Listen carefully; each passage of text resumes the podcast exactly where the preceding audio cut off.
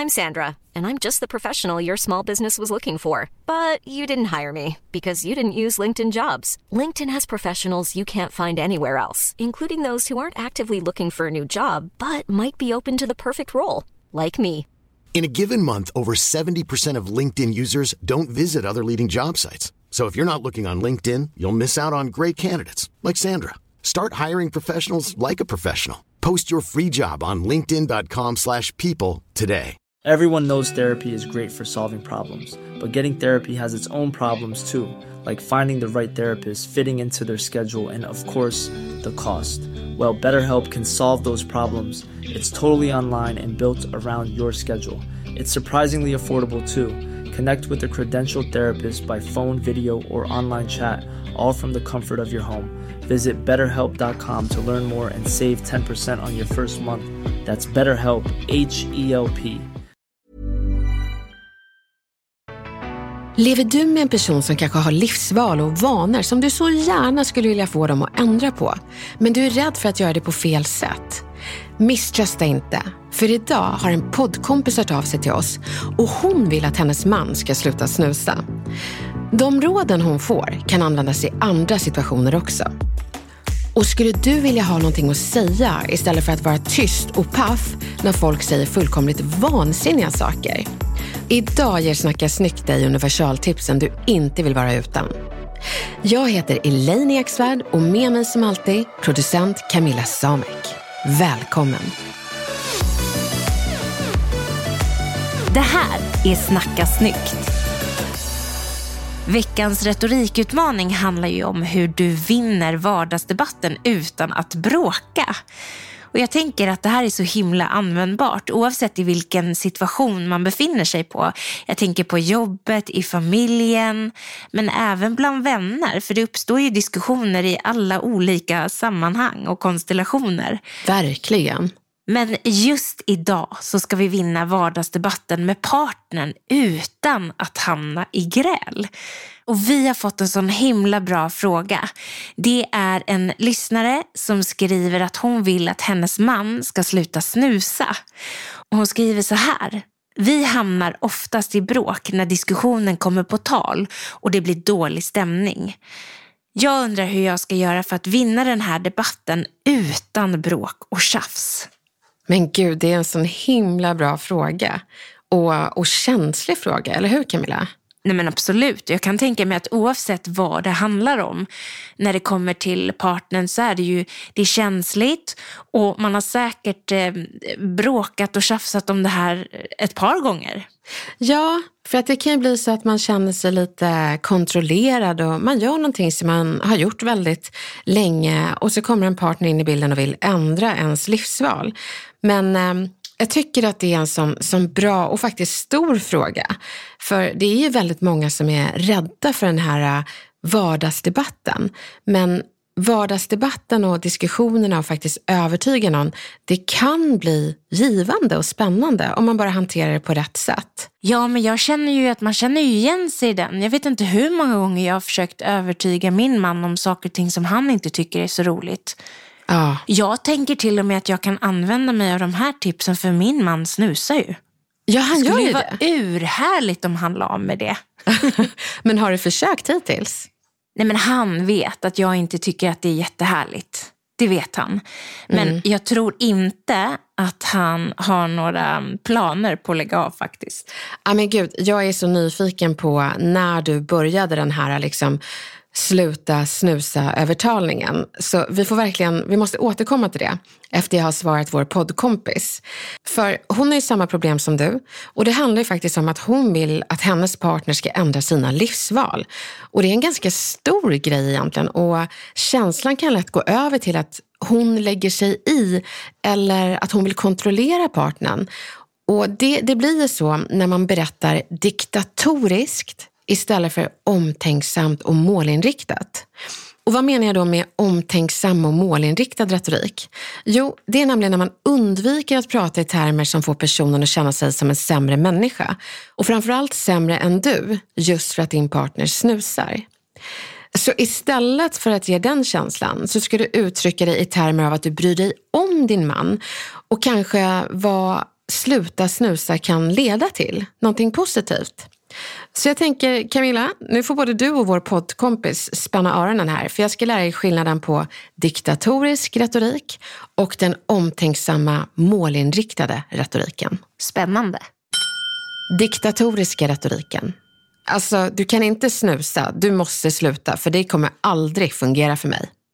Jag tror att den här meningen är ganska vanlig för nikotinjunkies eh, att faktiskt få höra när man börjar dejta någon. Att det är någon dejt som säger det, ja, men jag ser att du röker eller snusar och jag vill bara berätta att det kommer aldrig fungera för mig om vi ska fortsätta dejta. Så den diktatoriska retoriken i dejtandet, det tror inte jag är helt ovanligt. Det tror inte jag heller. Jag tror också att ibland kan det ju vara en dealbreaker. Alltså jag tycker att du verkar jättetrevlig. Men att du röker, det, är, det funkar inte för mig. Så att, eh, jag säger det här och nu. Ja. Och då är det mer som att man vill vara tydlig, rak. Eh, så att det inte ska vara några tveksamheter kring vad man faktiskt tycker. Nej, precis. Och jag tror faktiskt att i början när man träffar någon så är det helt okej okay att ha dealbreakers. Att man har lite den här diktatoriska retoriken för att liksom visa omtanke och omsorg. Ni känner ju inte varandra. Utan det handlar mer om hur du funkar och vissa saker är inte kompatibla med dig. Och det behöver inte bara ha med nikotin att göra. Det kan ju vara massa saker som folk har som dealbreakers som eh, jag kommer inte vilja ha barn eller jag vill ha barn. Eh, jag tränar, det är min livsstil och jag vill träffa någon som har samma livsstil.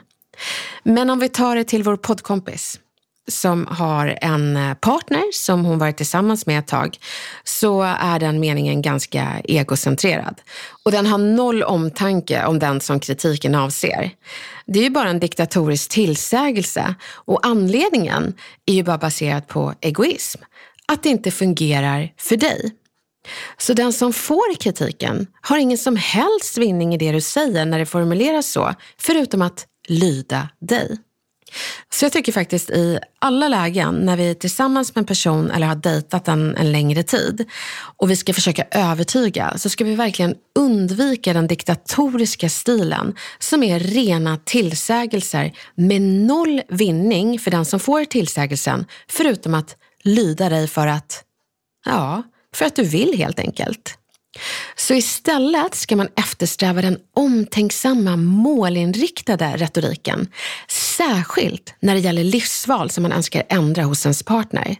Så för att göra det övergår vi till den omtänksamma och målinriktade retoriken. Det är när du inleder med att berätta hur mycket du bryr dig om din partner och vill att han ska må bra. Du kan också uttrycka en oro kring snusning och hur det alltid jämförs med rökning som att det skulle vara någonting som är bättre än det.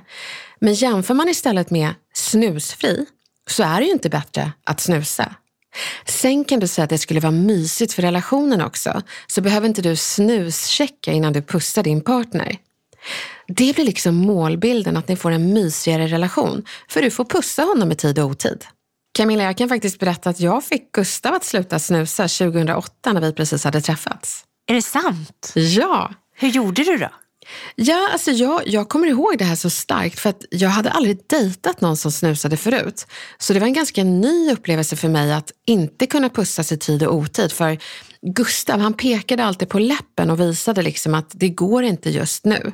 Mr Snus var i munnen.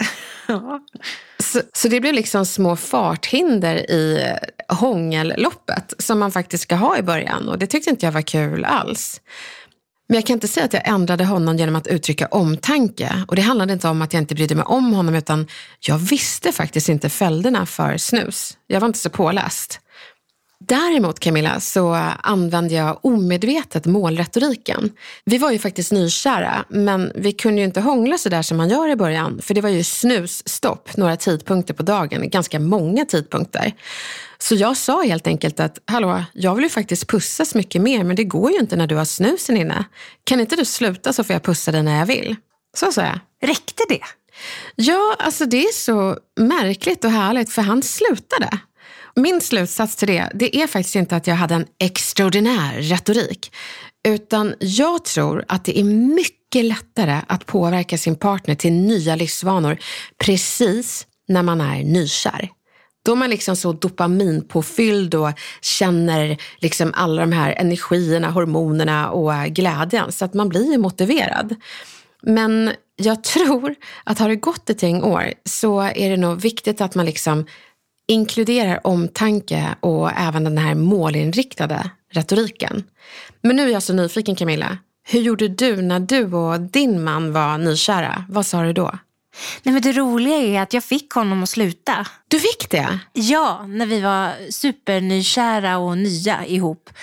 Då var det liksom inget snack om saken. Jag sa att jag tyckte det var ganska ofräscht och att jag tyckte väl också att det var lite trist att inte kunna pussas. Det är ju ja. det enda man vill när man precis har träffats. Ja men exakt. Och där hade du en kombination av diktatorisk retorik men också målinriktat, att du ville pussas. Men utöver det så hade du världens bästa timing. Han var ju nykär i dig. Och det är där vi ska påverka dem som mest. Ja, det lyckades jag med en stund. Sen mm. gick det ett gäng år. Mm. Mm, ganska ja. många år. Ja. Och sen plötsligt, när vi hade två barn och livet var lite, livet var lite mindre sömn, lite mer stress, kanske inte lika mycket pussar. Då började jag känna doften av den här snusdosan igen. Ja, också utan att säga att han hade börjat snusa igen. Det var liksom som att jag bara inte skulle märka det på något sätt. Och det är ju helt omöjligt att inte märka, tänker jag. Nej. Nej. Men gud vad spännande att det smögs in några år efteråt. Och det kan vara väldigt bra för er poddkompisar att veta att tajmingen är viktig i början när man är nykär. Har man varit ihop ett gäng år så, så kan det komma tillbaka igen. Så håll ögonen öppna och då använder ni inte diktatorisk retorik och mål utan omtanke och mål. Jag tänker Elin att jag kanske ska börja jobba lite mer med den här omtänksamma retoriken. Men jag är rädd att nu är han så fast så att det inte biter på honom. Jag vet inte hur det är med vår poddkompis, om det här kommer vara framgången, framgångssagan i den här snushistorien. Men eh, finns det någonting mer man kan ta till om den inte biter? Ja, men det finns fler saker man kan göra. Och det är att ta reda på vilket sorts köpbeteende din partner har. Och hur kom jag in på det? Jo, de ska ju faktiskt köpa ditt budskap. Och alla köper saker på olika premisser. Om vi tar din partner till butiken så är personen antingen en sån som köper när det bara finns väldigt få, till exempel skjortor kvar. Att butiksbeträdet säger, tyvärr, jag kan inte lägga undan det här åt dig utan du eh, får köpa den om du vill ha den eller så riskerar du att förlora den. Är din partner en sån som motiveras av rädsla så kommer hen att köpa direkt. Men är en person som mer motiveras av att den här skjortan skulle se jättefin ut på dig vid sju olika tillfällen, då är det mer ett målinriktat köpbeteende. Så om du översätter det till din man och snuset så kanske det är så att du behöver en retorik baserad på rädsla. Det vill säga att du säger någonting i stil med att vet du att när du snusar så känner jag att jag varken har lust eller vilja att pussa eller hångla med dig. För att det ska man ju göra när man känner för det, inte när snuset inte råkar vara med i bilden. Så jag tappar faktiskt motivationen hela tiden. Jag skulle vilja att du slutar snusa. Det kan göra partnern lite rädd. Men är en person som har köpbeteendet av då ditt budskap i målretorik, då är det mer att man säger, vet du, du anar inte hur ofta jag vill hångla upp dig och pussa på dig. Du skulle veta det om du slutade snusa. Så slutar du snusa så kommer det bli en så mycket härligare och kärleksfull vardag. Jag lovar. Jag hoppas verkligen att det går bra med din partner och att ni får en snusfri relation där det inte är snusdoser som farthinder i ert hångelmaraton. Lycka till! Och till er andra som vill liksom klara vardagsdebatten oavsett om det gäller livsstil, matval, politiska övertygelser. Det behöver inte vara ens partner utan det kan som sagt vara kompis, fikarummet med kollegorna eller vid släktmiddagen att ni hamnar i en diskussion. Det viktiga att känna till det är att du övertygar ingen. Nej, du hörde rätt. Precis ingen om du möter dem med ilska och bestörtning. Till exempel, hur kan du äta kött? Hur tusan kan inte du träna? Va? Tar inte du kosttillskott på morgonen? Eller, gud vad tråkig du är som inte dricker. Men va, ska inte du äta efterrätt? Men kom igen. Grundregeln för att övertyga någon är varken att skälla, skamma, tjata eller få folk att känna sig dumma. Det är inte vägen till övertygelse. Det är snarare så att du ska locka dem till de livsval som du är övertygad om ska bli bra för dem.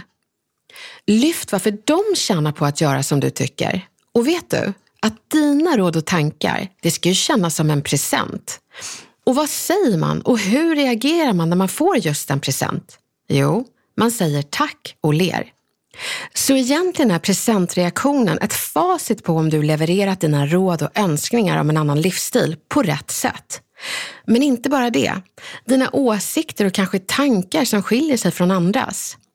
Även om ni inte är överens eller folk inte håller med dig så ska de känna sig glada över att du delade hur du tänkte. För du delade det på ett intressant och icke-dömande sätt och det kändes just som en present att få ditt perspektiv.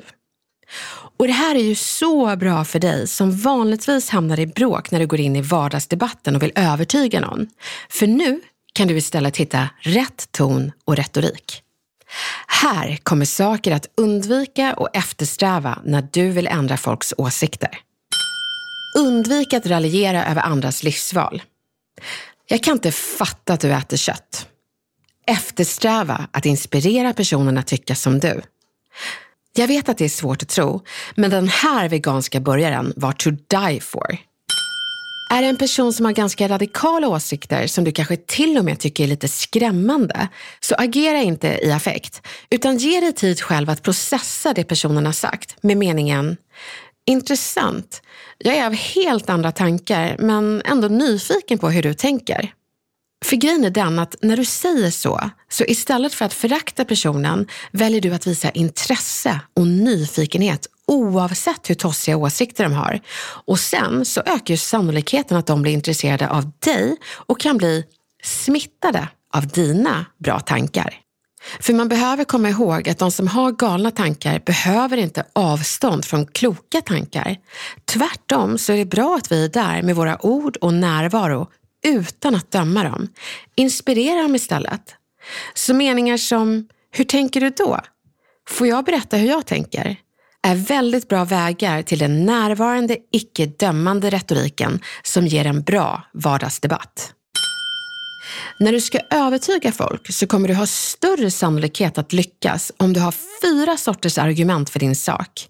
Och det är faktaargument, känsloargument och erfarenhetsargument. Men dessutom ett motargument för din sak för att få dem att förstå att du har tänkt till kring motståndarsidan. Så vill du till exempel sälja in Jesus så kan det vara bra att berätta att du har träffat Satan. Så du visar helt enkelt att du tagit en titt på andra sidan och vet att den sida du står på är bäst för den du pratar med.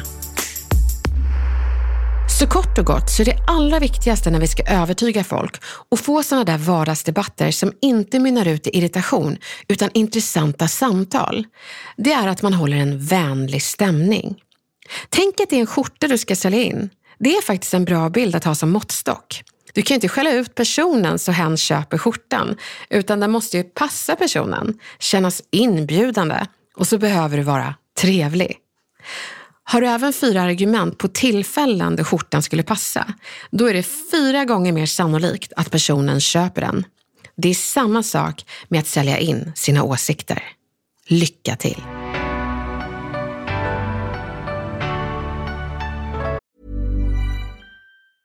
A lot can happen in three years, like a chatbot may be your new best friend. But what won't change? Needing health insurance. United Healthcare Tri Term Medical Plans, underwritten by Golden Rule Insurance Company, offer flexible, budget friendly coverage that lasts nearly three years in some states. Learn more at uh1.com. Everyone knows therapy is great for solving problems, but getting therapy has its own problems too, like finding the right therapist, fitting into their schedule, and of course, the cost. Well, BetterHelp can solve those problems. It's totally online and built around your schedule. It's surprisingly affordable too.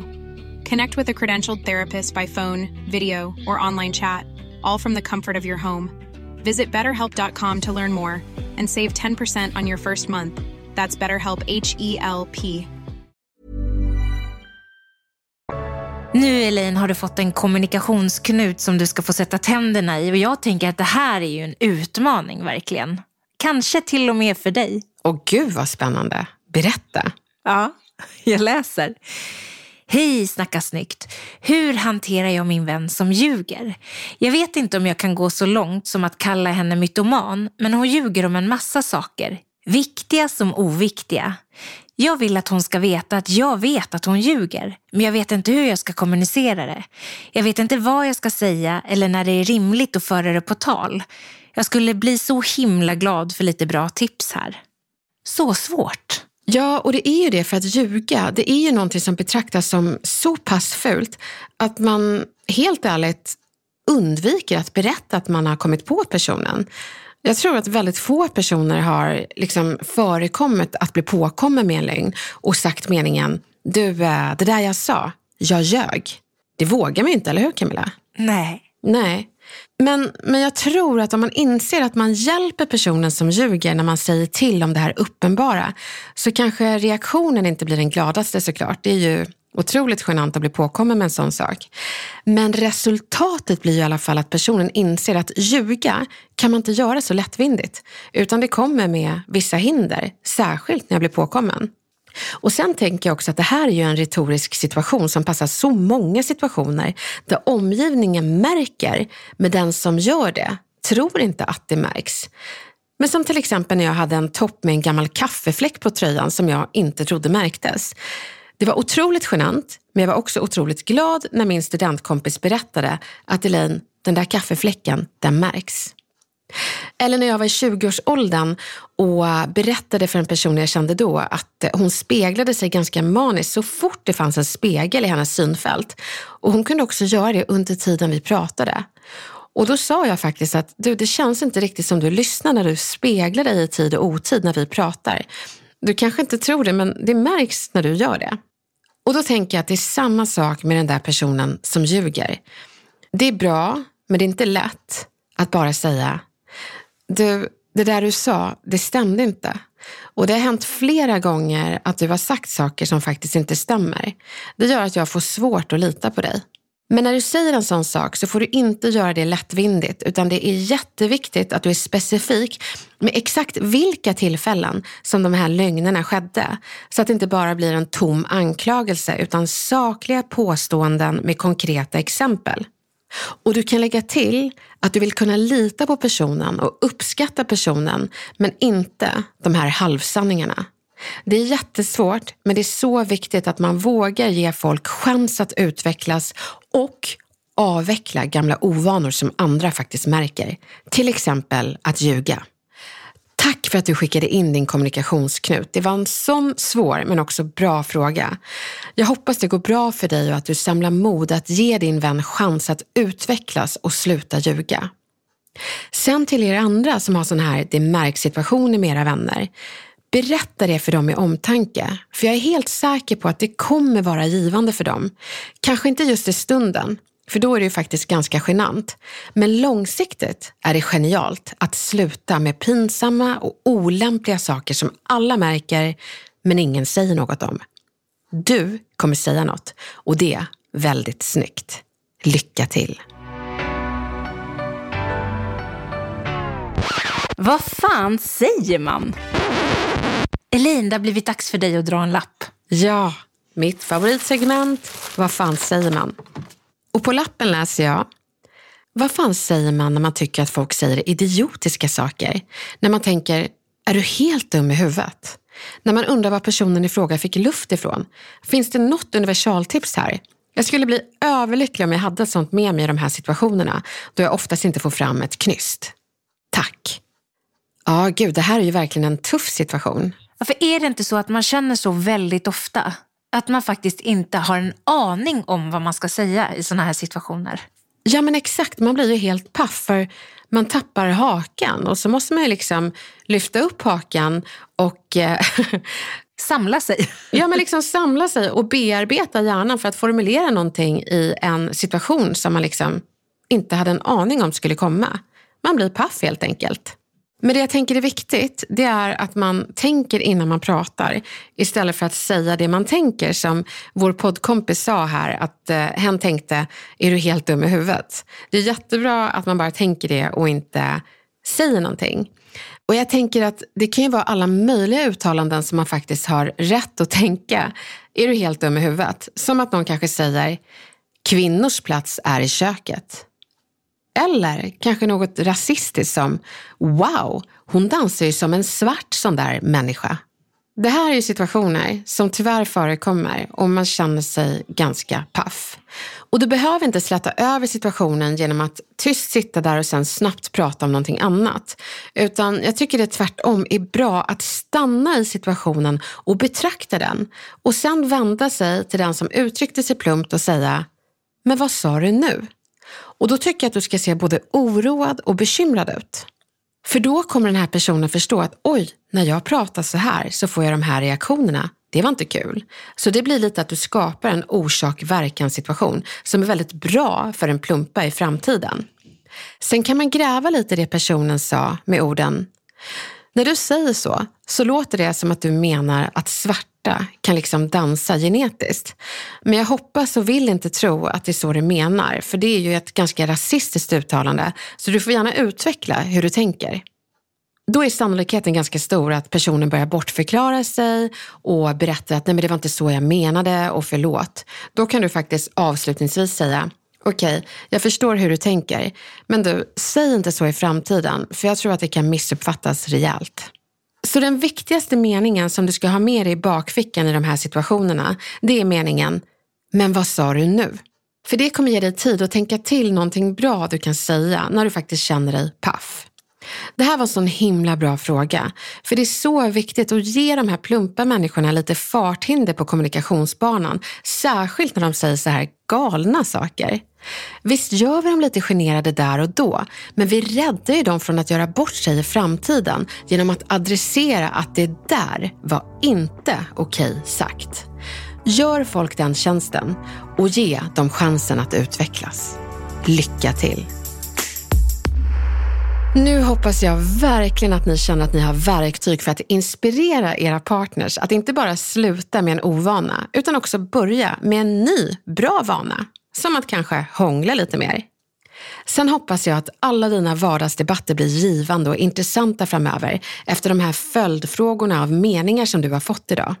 Och till den där plumpa personen som säger nästintill vansinniga saker. Nu kommer du inte bara bli paff, utan du kommer ha ord för att kunna hjälpa personen att undvika att göra bort sig igen. Det är faktiskt en väldigt snäll sak att göra. Ett varmt lycka till med det. Och jag hoppas att ni känner att Snacka snyggt är den där retorikexperten i bakfickan eller den där kompisen som hjälper dig med svar på tal när orden inte riktigt räcker till. Lova att höra av dig om det är något speciellt du skulle vilja att vi tar upp i podden framöver. Din önskan är vår lag. Tills nästa gång, ha det så fint så hörs vi snart igen.